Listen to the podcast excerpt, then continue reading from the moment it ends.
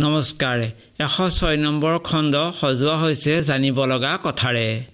প্ৰথমে বিহুগীত পৰিৱেশনত ব্যৱহাৰ কৰা বাদ্যযন্ত্ৰসমূহৰ বিষয়ে আমি জানি লওঁ আহা।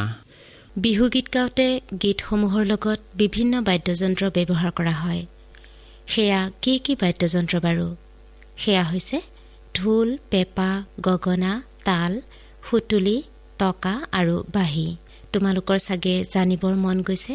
এই বাদ্যযন্ত্ৰসমূহ কেনেদৰে বনোৱা হৈছে নহয়নে বাৰু? আজি তোমালোকক ইয়াৰে কেইবিধমান বাদ্যযন্ত্ৰৰ বিষয়ে ক'বলৈ লৈছোঁ। তোমালোকে মন দি শুনিবা দেই। ঢোল সাধাৰণতে কাঠেৰে বনোৱা হয়। ঢোল বনাওঁতে কঁঠাল চাম আৰু আম আদি গছৰ কাঠ ব্যৱহাৰ কৰা হয়। এডোখৰ নিৰ্দিষ্ট আকাৰৰ কাঠ ভালদৰে কাটি লৈ কাঠডোখৰৰ মাজৰ অংশ এৰুৱাই লৈ দুয়োমূৰে ছাল লগোৱা হয়। ইয়াকে ছালেৰে চোৱা বুলি কোৱা হয়।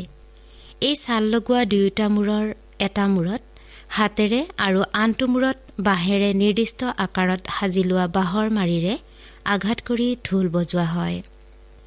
ভাইটি ভণ্টিহঁত তোমালোকে লগতে ইয়াকো জানি থোৱা। অসমত প্ৰচলিত বিবিধ ঢোলৰ ভিতৰত উজনিৰ বিহু ঢোল নামনিৰ ঢেপা ঢোল বৰঢোল জয়ঢোল পাতিঢোল আদিৰ নাম উল্লেখযোগ্য। বিহুগীতত ব্যৱহাৰ কৰা আন এবিধ বাদ্য হৈছে পেঁপা। পেঁপা বজাওঁতে মুখেৰে ফু দি বজোৱা হয়। তোমালোকে পেঁপা বজোৱা নিশ্চয় দেখিছা? পেঁপা বনাবলৈ সাধাৰণতে মহৰ শিং ব্যৱহাৰ কৰা হয়। মহৰ শিং এটাৰ ভিতৰৰ অংশ ভালদৰে এৰুৱাই লৈ পৰিষ্কাৰ কৰি লোৱা হয়। তাৰ পিছত বজাবৰ উপযোগী হ'লে বহুতে আকৌ ক'লা ৰং সানি তাৰ ওপৰত তেল সানি দেখিবলৈ ধুনীয়া কৰি লয়। ভাইটি ভণ্টিহঁত এই মহৰ শিঙৰ পেপাৰ শিংডোখৰক খোলা বুলি কোৱা হয় আৰু মুখেৰে ফু দিয়া অংশক চুপহী বুলি কোৱা হয়। পেপাৰ বাবে খাগৰি বা নলেৰে মূল যন্ত্ৰটো সাজি তাত মহৰ শিং বা আন নলি সুমুৱাই পেঁপা সজা হয়। খাগৰি বা নল হৈছে পথাৰৰ দ অংশত পোৱা এবিধ ঘাঁহজাতীয় উদ্ভিদ। তোমালোকে একেলগে দুটা পেঁপা লগ হৈ থকা দেখিছানে বাৰু? এইবিধ মহৰ শিঙৰ পেঁপাক জুৰীয়া পেঁপা বুলি কোৱা হয়। জুৰীয়া পেঁপাৰ মাত সাধাৰণতে তীব্ৰ হয়।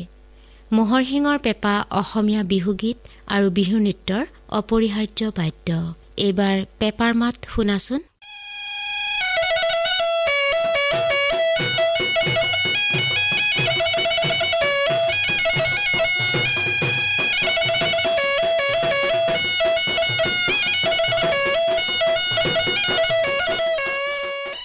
ভাইটি ভণ্টিহঁত বিহু উৎসৱত ব্যৱহাৰ কৰা আন এবিধ বাদ্য হ'ল টকা। এই টকা সাজিবৰ বাবে দুয়োমূৰে গাঁঠি থকা এডোখৰ বাঁহ লোৱা হয়। সাধাৰণতে টকা সাজিবৰ বাবে আগলি বাঁহ ব্যৱহাৰ কৰে। টকা তৈয়াৰ কৰোঁতে বাঁহডোখৰৰ এটা মূৰৰ গাঁঠিটো ৰাখি আনটো মূৰৰ গাঁঠিটোৰ পৰা দীঘলীয়াকৈ ফালি লোৱা হয়। ইয়াৰ পিছত নফলা অংশটোৰ পৰা কোণীয়াকৈ দুয়োফালে এৰুৱাই টকা সজা হয়। বিহুগীত আৰু বিহু নৃত্যৰ তাল ৰাখিবৰ বাবে টকাৰ ব্যৱহাৰ কৰা হয়। এই বাদ্য বজাওঁতে টক টককৈ শব্দ হয় বাবে এই বাদ্যবিধৰ নাম টকা বুলি কোৱা হয়। আন বাদ্যৰ দৰে গগনাও বিহুগীতৰ এবিধ অপৰিহাৰ্য বাদ্য। পেপাৰ দৰে গগনা মুখেৰে বজোৱা হয়। গগনা বাঁহেৰে তৈয়াৰ কৰা হয়। গগনা মুখেৰে ফু দি বজোৱা হয় যদিও বজাওঁতে হাতেৰে গগনাৰ পাতি ছটা আঙুলিৰে লৰাই থাকিব লাগে। গগনাৰ মাত মিহি আৰু মিঠা। বিহু নামত মহিলায়ো গগনা বজায়। তোমালোকে নিশ্চয় দেখিছা মহিলাই বজোৱা গগনাক লাহৰি গগনা আৰু পুৰুষে বজোৱা গগনাক ৰামধন গগনা বুলি কোৱা হয়। লাহৰি গগনাতকৈ ৰামধন গগনাৰ মাত গহীন আৰু শুৱলা হয়। গগনা দীঘলে আধা ইঞ্চিমান আৰু বহলে এক ইঞ্চিমান হয়। এই গগনাটিৰ মাত শুনাচোন।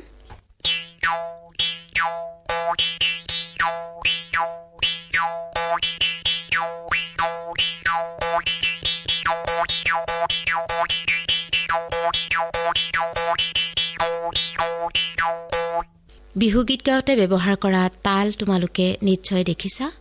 এই তাল হৈছে ঘূৰণীয়া আৰু চেপেটা কাঁহেৰে সজা জুৰীয়া বাদ্য। এইবিধ বাদ্য ঘাইকৈ নৃত্য গীতৰ তাল ৰাখিবৰ বাবে ব্যৱহাৰ কৰা হয়। ভাইটি ভণ্টিহঁত বিহুগীতত ব্যৱহাৰ কৰা আন এবিধ বাদ্য হ'ল সুতুলি। সুতুলি মাটিৰে তৈয়াৰ কৰা হয় আৰু এই সুতুলিৰে চৰাইৰ মাত দিয়া হয়। ভাইটি ভণ্টিহঁত তোমালোকে যদি পাৰা এই বিহু গীতৰ বাদ্যযন্ত্ৰসমূহ ভালদৰে মন কৰিবা আৰু বজাবলৈ শিকিবা হওক। এইবাৰ চিঠি পত্ৰত ব্যৱহাৰ কৰা ডাক টিকটৰ বিষয়ে আমি জানো আহাচোন। কেনেকৈনো ডাক টিকট আমাৰ মাজলৈ আহিল? তোমালোকে বাৰু ডাক টিকট দেখিছানে? এই চিঠিৰ ওপৰত যে সৰুকৈ টিকেট এটা লগাই এয়াই হৈছে ডাক টিকট নিশ্চয় দেখিছা নহয় জানো?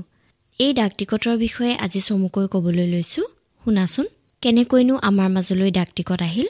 ভাইটি ভণ্টিহঁত ডাক টিকটৰ ইতিহাস বহুত বছৰ পুৰণি নহ'লেও বেছ উত্তেজনাপূৰ্ণ। পৃথিৱীৰ সকলো দেশৰ ভিতৰত ইংলেণ্ডতেই পোনপ্ৰথম ডাক টিকট প্ৰচলিত হয়।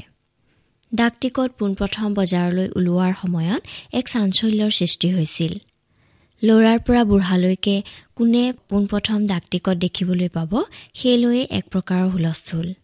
প্ৰথম ওলোৱা ডাক টিকটকেইটা যেন একোটুকুৰা মুকুট আহে। প্ৰথম ডাক টিকট ওলোৱা সেই তাৰিখটো আছিল ওঠৰশ চল্লিছ চনৰ ছয় মে' এই ডাক টিকটৰ লগত জড়িত থকা লোকজন হ'ল ছাৰ ৰোনাল্ড হিলেৰ। তেওঁৱেই আছিল ডাক টিকটৰ প্ৰথম আৱিষ্কাৰক। তেওঁৰ বিষয়ে ইমানকে মাত্ৰ জানিব পৰা গৈছে যে তেওঁ আছিল এজন পোষ্টমাষ্টাৰ জেনেৰেল। এই ডাক টিকটকে কেন্দ্ৰ কৰি পাছলৈ ডাক টিকটৰ আৰু উন্নতি হ'বলৈ ধৰিলে। সেই সময়ত বজাৰত মাত্ৰ দুই ধৰণৰ ডাক টিকট ওলাইছিল। এবিধৰ দাম এক পেনী আৰু আনবিধৰ দাম দুই পেনী। ডাক টিকটকেইটাৰ ওপৰত ছবি দিয়া হৈছিল ইংলেণ্ডৰ ৰজাৰ। এতিয়াৰ ডাক টিকটৰ লগত তেতিয়াৰ ডাক টিকটৰ যথেষ্ট পাৰ্থক্য আছিল। প্ৰথম কথা আজিকালিৰ দৰে দুটা ডাক টিকটৰ মাজত ফুটাবোৰ নাছিল। গতিকে পোষ্টমাষ্টৰে কটাৰী এখন লৈ টিকটবোৰ কাটি কাটি দিব লগাত পৰিছিল। দ্বিতীয়তে আজিকালিৰ ডাক টিকটৰ দৰে তেতিয়াৰ ডাক টিকটৰ পাছফালে এঠাও লগোৱা নহৈছিল। অৱশ্যে ডাক টিকট যাতে কোনেও জাল কৰিব নোৱাৰে তাৰ বাবে ৰোনাল্ড চাহাবে যথেষ্ট ব্যৱস্থা গ্ৰহণ কৰিছিল। ভাৰতত পোনপ্ৰথম ডাক টিকটৰ প্ৰচলন আৰম্ভ হয় ওঠৰশ চৌৱন্ন চনৰ এক অক্টোবৰত। অৱশ্যে তেতিয়াৰ পৰাই চৰকাৰে ডাক টিকট সম্পৰ্কে দুটা এটা নিয়ম বান্ধি দিছিল।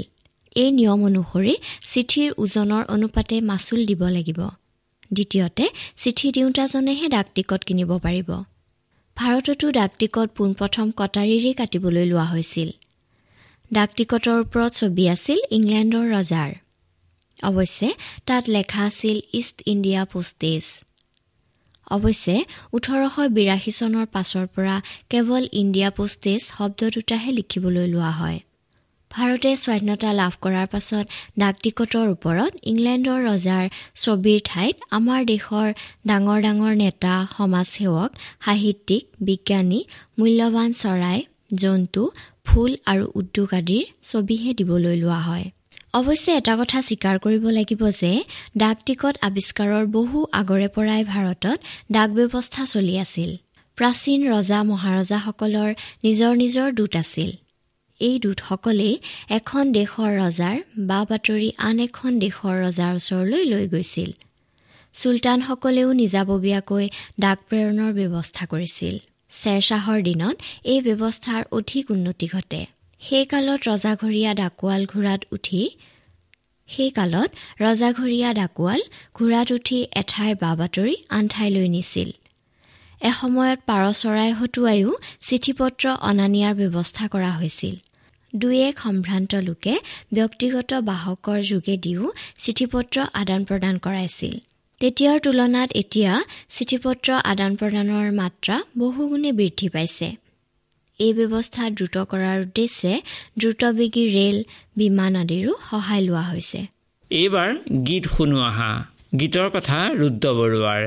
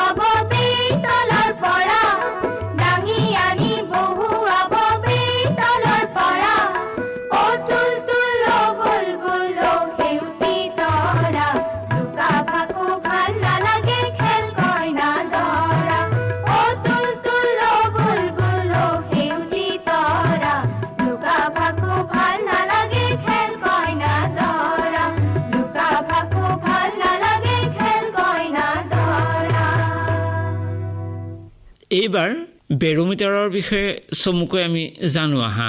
বেৰোমিটাৰ হ'ল বায়ুমণ্ডলৰ চাপ জুখিবলৈ ব্যৱহাৰ কৰা এবিধ যন্ত্ৰ। বেৰোমিটাৰ আৱিষ্কাৰৰ নেপথ্যতো এটা কাহিনী আছে। সেয়া আছিল সপ্তদশ শতিকাৰ কথা। ইটালীৰ এজন ভদ্ৰলোকে এটা গভীৰ নলীনাট খন্দুৱাইছিল। নলীনাট খন্দা বনোৱাবোৰে মাটি খান্দি খান্দি তলৰ পৰা নিগৰি অহা পানী পাম্পেৰে বাহিৰলৈ উলিয়াই পেলাইছিল। কিন্তু চৌত্ৰিছ ফুটমান খন্দাৰ পিছত পাম্পেৰে পানী উলিয়াব পৰা নগ'ল। বনোৱাবোৰে এই সমস্যাটোৰ কথা ভদ্ৰলোকজনক ক'লেগৈ। কথাটো শুনি ভদ্ৰলোকজনেও কিয় এনে হৈছে বুলি বহুত ভাবিলে যদিও একো পাৰেই নাপালে। চিনাকি কেইবাজনো মানুহক কথাটো সুধিও তেওঁ বৰ নিৰাশ হ'ল। অৱশেষত তেওঁ এদিন তেতিয়াৰ প্ৰখ্যাত বিজ্ঞানী গেলিলিঅ'ৰ ওচৰ পালেহি। কিন্তু গেলিলিঅ' তেতিয়া অন্ধ হৈ পৰিছিল। তদুপৰি নানান মানসিক আঘাত আৰু বয়সৰ ভৰত তেওঁ জৰ্জৰিত। সেয়েহে গেলিলিঅই ইয়াৰ কাৰণ অনুসন্ধানৰ ভাৰ তেওঁৰ প্ৰিয় শিষ্য টেৰিচেলিক দিলে। গুৰুবাক্য শিৰোধাৰ্য কৰি টেৰিচেলিয়ে আহি কুৱাটো পৰীক্ষা কৰিলেহি। পৰীক্ষা কৰি তেওঁ দেখিলে যে কুৱাটোৰ গভীৰতা চৌত্ৰিছ ফুটৰ অলপ বেছি। তেওঁ ভাবিবলৈ ধৰিলে চৌত্ৰিছ ফুটৰ বেছি গভীৰৰ পৰা পানী তুলিব পৰা নাই কিয়? এনে সময়ত তেওঁৰ ভাৱ হ'ল যে হয়তো বায়ুৰ চাপৰ বাবেই এনে হৈছে। এই ধাৰণা সঠিক হয় নে নহয় পৰীক্ষা কৰাৰ বাবে তৰিচেলিয়ে এডাল এক মিটাৰ দীঘল এমুখ খোলা কাছৰ নলীত পানীতকৈ প্ৰায় চাৰে তেৰ গুণ গধুৰ তৰল পাৰা ভৰালে। তাৰ পিছত নলীডালক এটা পাৰাভৰ্তি পাত্ৰত থিয়কৈ উবুৰিয়াই অৰ্থাৎ খোলা মূৰটো তললৈ কৰি ৰাখিলে। এইবাৰ তৰিচেলিয়ে দেখিলে যে নলীৰ ভিতৰৰ পাৰা লাহে লাহে নামি ছয়সত্তৰ চেণ্টিমিটাৰত একেবাৰে স্থিৰ হৈ ৰৈ গ'ল। ইয়াৰ পৰা তৰিচেলিয়ে বুজিব পাৰিলে যে বায়ুমণ্ডলে পৃথিৱীৰ ওপৰত যি চাপ দিছে সেই চাপে ছয়সত্তৰ চেণ্টিমিটাৰ পাৰাস্তম্ভক ধৰি ৰাখিব পাৰে। যিহেতু পানীতকৈ পাৰা তেৰ দশমিক ছয় গুণ গধুৰ সেয়েহে তেৰ দশমিক ছয় পূৰণ ছয়সত্তৰ চেণ্টিমিটাৰ বা চৌত্ৰিছ ফুট ওখ জলস্তম্ভক ই ধৰি ৰাখিবলৈ সক্ষম আৰু সেইকাৰণেই সাধাৰণ পাম্পেৰে চৌত্ৰিছ ফুটতকৈ বেছি গভীৰতাৰ পৰা পানী তুলিব নোৱাৰি। উক্ত ঘটনাক কেন্দ্ৰ কৰিয়েই তৰিচেলিৰ মনত বায়ুৰ চাপ নিৰ্ণয় কৰাৰ পৰিকল্পনাৰ জন্ম লয়।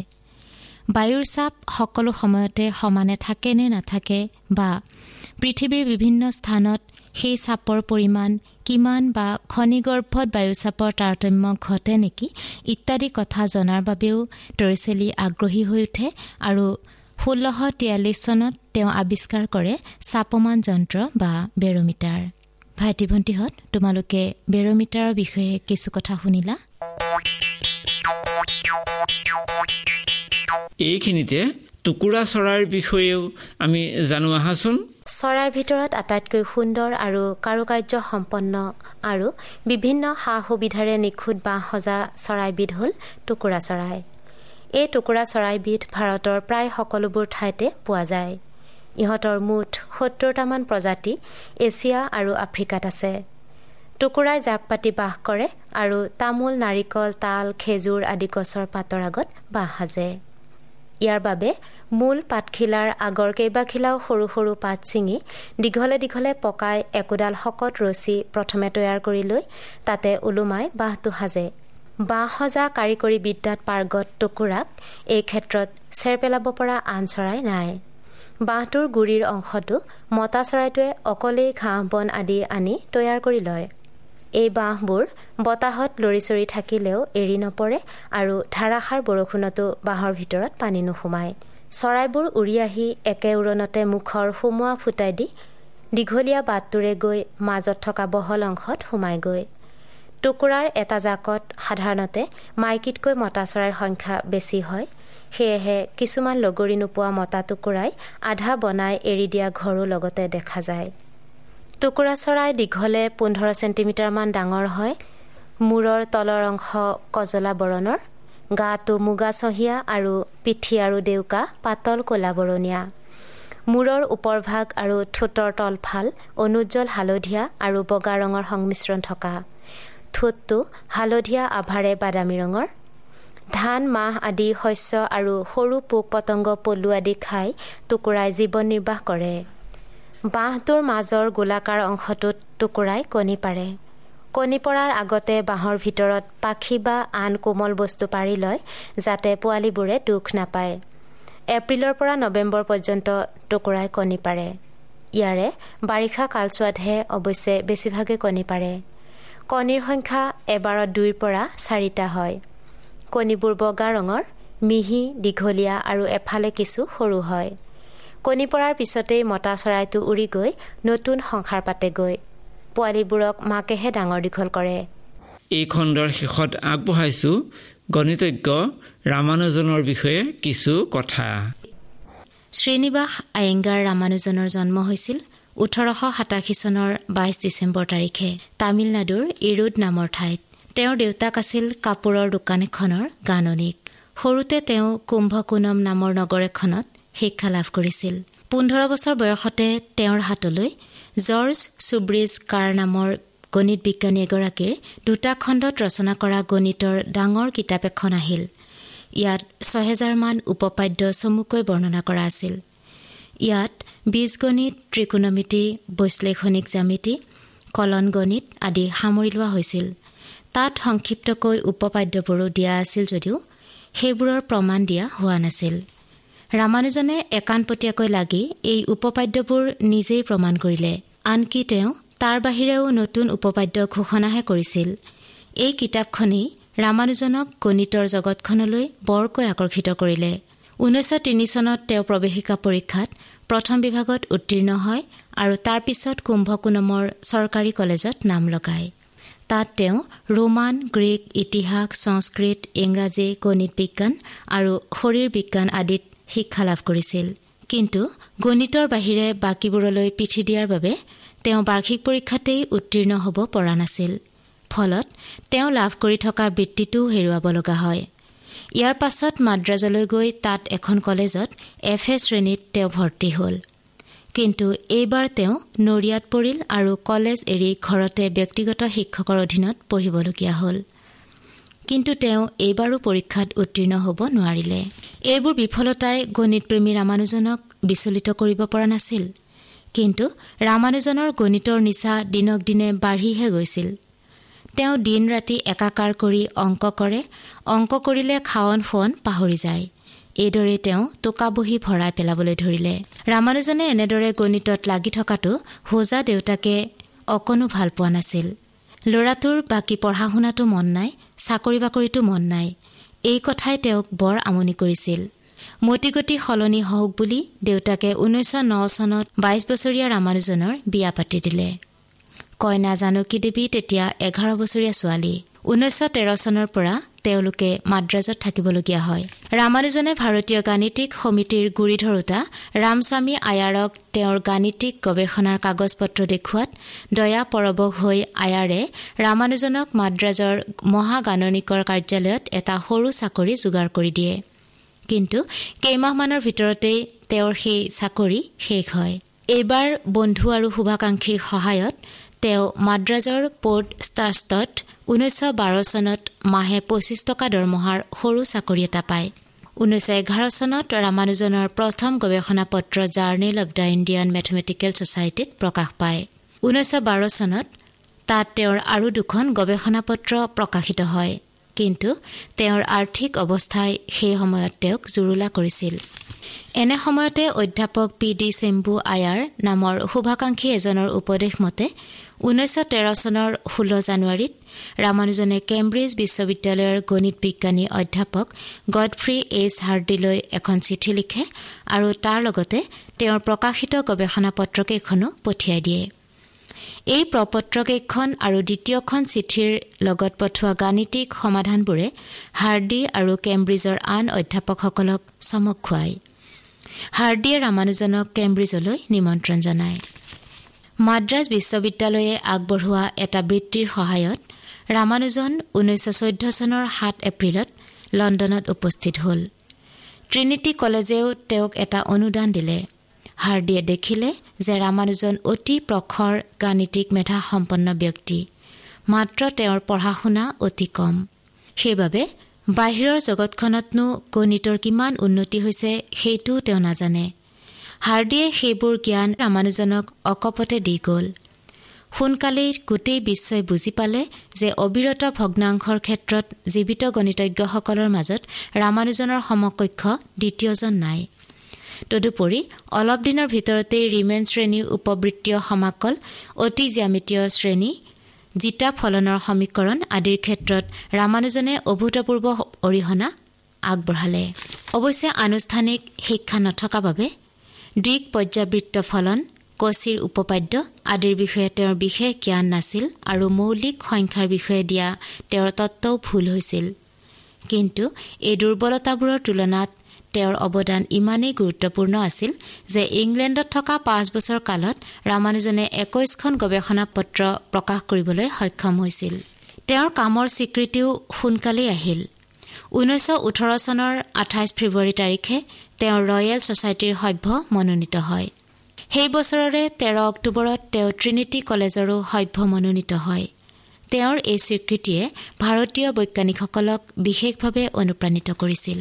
ঊনৈছশ সোতৰ চনত ৰামানুজন যক্ষ্মা ৰোগত আক্ৰান্ত হৈছিল। তেওঁৰ অৱস্থা মাজতে ভাললৈ আহিছিল কিন্তু পাছত আৰু অৱনতি ঘটাত ঊনৈছশ ঊনৈছ চনৰ ফেব্ৰুৱাৰী মাহত তেওঁ জাহাজেৰে ভাৰতলৈ উভতি আহে। মাদ্ৰাজত তেওঁৰ চিকিৎসা চলে যদিও সেই চিকিৎসা ফলৱতী নহ'ল। ঊনৈছশ বিছ চনৰ ছাব্বিছ এপ্ৰিলৰ দিনা মাত্ৰ বত্ৰিছ বছৰ বয়সতে এইগৰাকী মহামনীষীৰ মৃত্যু হয়। পাছত তেওঁৰ গাণিতিক অধ্যয়ন গৱেষণাবোৰ প্ৰায় চাৰি হাজাৰ গাণিতিক উপপাদ্যত পৰিণত হ'ল।